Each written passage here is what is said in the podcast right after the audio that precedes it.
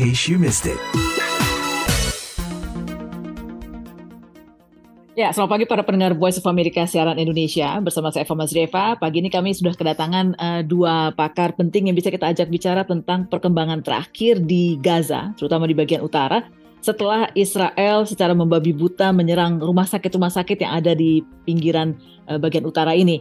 Diawali dengan rumah sakit Al-Shifa dan pada hari Senin siang, Senin sore, Israel kembali menyerang rumah sakit Indonesia.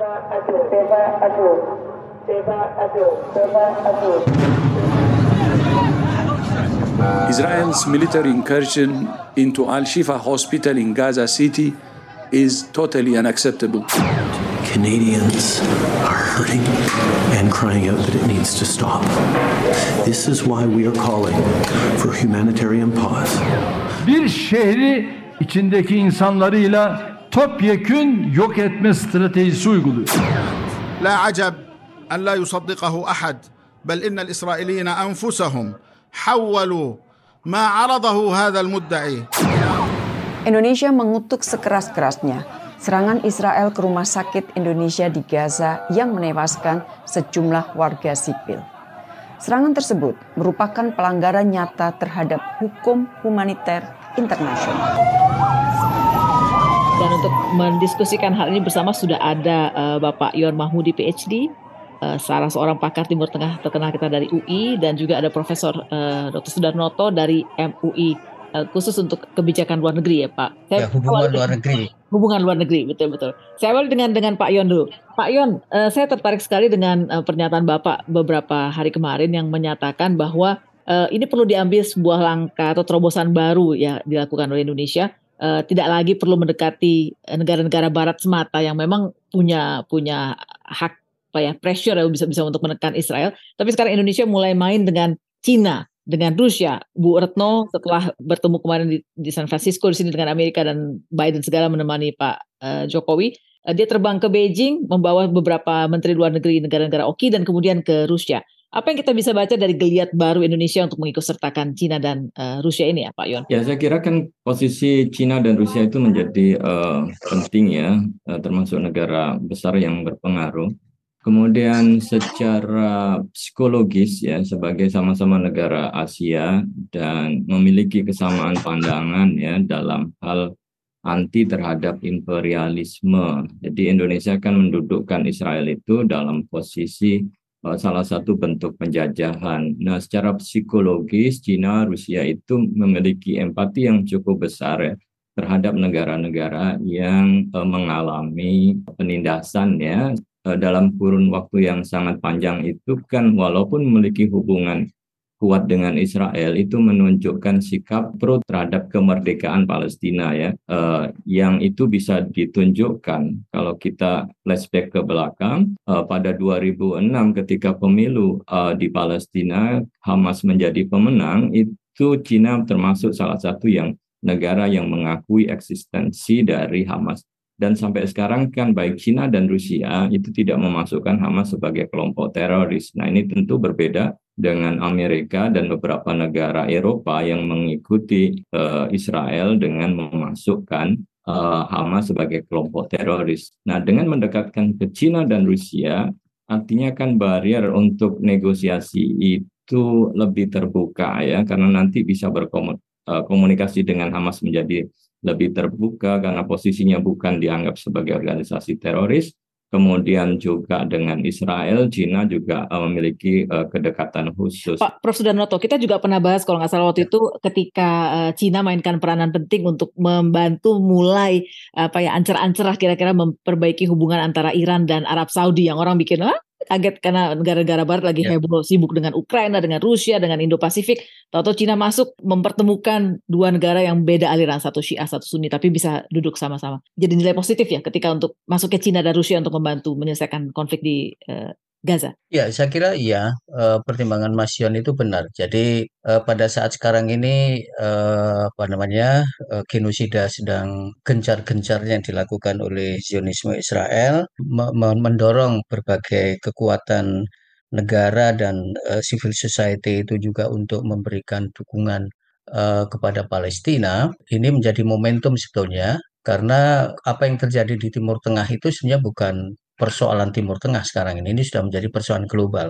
Nah, problem global ini yang memberikan ruang bagi kekuatan-kekuatan dunia untuk ikut memberikan perhatian, bahkan dalam tingkat tertentu bisa ikut memainkan peran penting. Nah, tetapi saya juga melihat sebetulnya kalau Cina mau, itu bisa memainkan peran yang lebih eh, konkret dalam kaitannya secara khusus kasus-kasus uh, terakhir ini. Dan Cina uh, itu punya hubungan ekonomi bagus dengan Israel loh Pak, ya kan? Bagi Cina itu kan menjadi masalah kalau Israel terus membabi buta apa apa namanya itu juga akan merusak merusak kepentingan-kepentingan uh, Cina. Itulah yang saya sebutkan sebenarnya Cina itu punya kepentingan ekonomi. Nah, dia tidak pastilah tidak mau situasi di Timur Tengah itu hancur-hancuran gara-gara Israel. Ya kemarin ada kemarin aja uh, peranan Cina untuk menghubungkan Saudi Arabia dengan uh, Iran saja sudah membuat khawatir Israel dan juga Amerika kan. Ya. Jadi analisisnya kan Amerika sudah mulai tergeser sebetulnya dalam tingkat tertentu ya. Pengaruh Cina itu sudah mulai masuk dan diperhitungkan secara global di di Timur Tengah. We don't want to see hospitals as battlegrounds. We don't want to see firefights in hospitals. Now, as we've also said, at least when it comes to Al Shifa, I don't have any intelligence on this Indonesia hospital, but at Al Shifa, we, we did have intelligence that corroborated the Israeli claims that Hamas was using it as a command and control node. Payun, Payun sempat bilang bahwa ini merupakan bagian dari rencana besar Israel sebetulnya untuk memang mengosongkan bagian utara Gaza. Tapi Kirby beralasan katanya rumah sakit Indonesia itu diserang karena rumah sakit Indonesia diam-diam menyalurkan BBM, menyalurkan fuel begitu Pak katanya kepada Hamas. Payun gimana membaca kasus ini Pak? Ya kalau kita melihat alibi dan uh, upaya justifikasi terhadap serangan itu kan terlalu apa ya, terlalu tidak kuat ya uh, argumentasinya dengan mengatakan bahwa uh, rumah sakit Indonesia disinyalir begitu. Jadi tidak ada informasi yang secara tegas yang menyebutkan bahwa itu digunakan untuk penyaluran eh, BBM dan wajar saja ya setiap rumah sakit itu selalu punya cadangan BBM sampai satu bulan ke depan. Karena itu situasi yang uh, memang tidak aman ya di Gaza dan potensi-potensi penghentian eh, BBM itu kan selalu terjadi. Jadi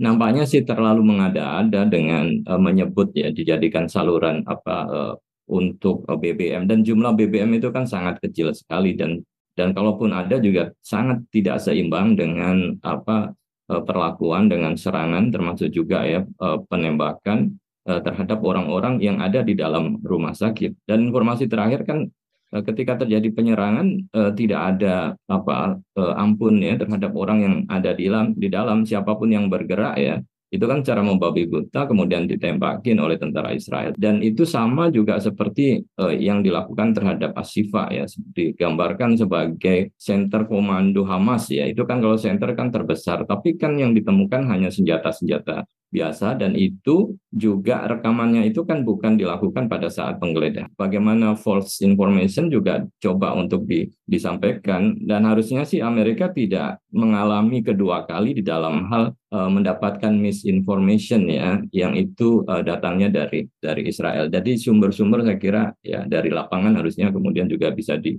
klarifikasi. Dan Pak Yon uh, juga Pak Pak Sudarnoto ya, uh, masa sih kita nggak belajar ya dengan kasus Irak? Ya, itu kan akhirnya menjadi presiden ya, bahwa serangan dilakukan tanpa ada bukti yang valid dan itu kemudian pasca serangan dan korban sudah berjatuhan ya ribuan bahkan puluhan ribu meninggal uh, dunia karena serangan itu sebagian besar dari rakyat sipil tetapi klaim adanya ya katakanlah tadi ya mas uh, apa distraction weapon itu uh, ternyata juga nah, tidak ada. Nah presiden inilah yang kemudian dijadikan sebagai logika di dalam Israel bahwa ya negara-negara besar juga melakukan hal yang sama jauh lebih lebih besar korban yang ditimpa dengan mereka. Nah ini kan saya kira presiden kemanusiaan yang harusnya kan tidak bisa dijadikan uh, sebagai acuan ya untuk melakukan sesuatu atas nama untuk mempertahankan membela suatu negara bisa melakukan apa saja. Nah ini saya kira ya, sangat ya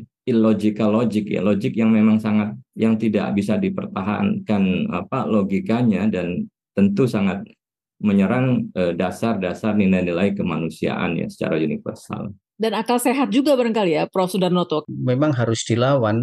Eh, perlawanan itu pertama menurut iman saya uh, struktur PBB itu masih harus dirubah, Mbak.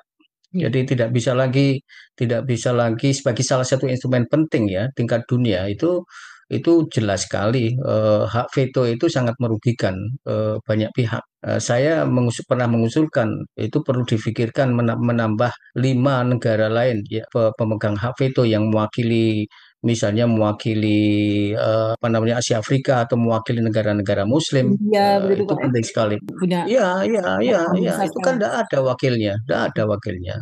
Uh, it, it, ini itulah yang kemudian membuat PBB itu tidak punya tidak punya kekuatan efektif untuk menyelesaikan problem-problem atau krisis uh, kemanusiaan yang diakibatkan oleh genosida, kejahatan perang. Nah, ini pekerjaan yang tidak mudah, tetapi memang harus dilakukan. Jadi salah satu target panjang menurut hemat saya itu adalah merubah uh, struktur uh, PBB, uh, apa namanya, uh, dan ini mesti harus dilakukan secara bersama-sama. Itu ya. salah satu faktor instrumen yang sungguh sangat penting. Nah, karena itu memang kembali kepada uh, apa kembali kepada kekuatan-kekuatan global ini sekarang kan sudah mulai bergeser ya. Jadi ini ruang untuk untuk membangun sebuah dunia baru, uh, sebuah tanratan dunia baru itu besar ya. uh, untuk meruntuhkan apa yang saya sebutkan tadi dengan mitos uh, mitos supremasi Barat atas Timur uh, harus kita lakukan, Mbak. Tapi uh, jangan lupa bahwa Bibi sendiri di dalam negeri juga sedang dirongrong terus kan, karena sebetulnya sebelum serangan Hamas ini dia juga menghadapi banyak sekali persoalan di di dalam Israel sendiri ya. Ya betul. Ya betul betul.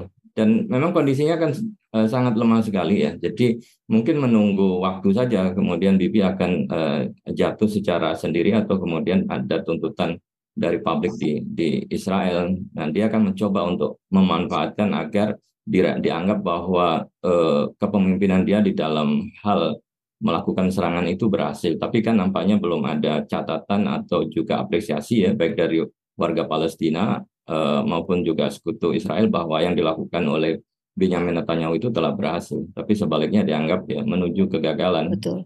Betul sekali. Baik, uh, Pak Yon dan Prof. Sudonoto, terima kasih sekali sudah bergabung bersama sama hari ini. Sama-sama. Semoga segera selesai. Prof. Sudonoto, ya. sampai ketemu lagi. Ya, ketemu lagi Mas Yon. Ya, insya Allah. Baik, ya, makasih ya. Okay. The Voice of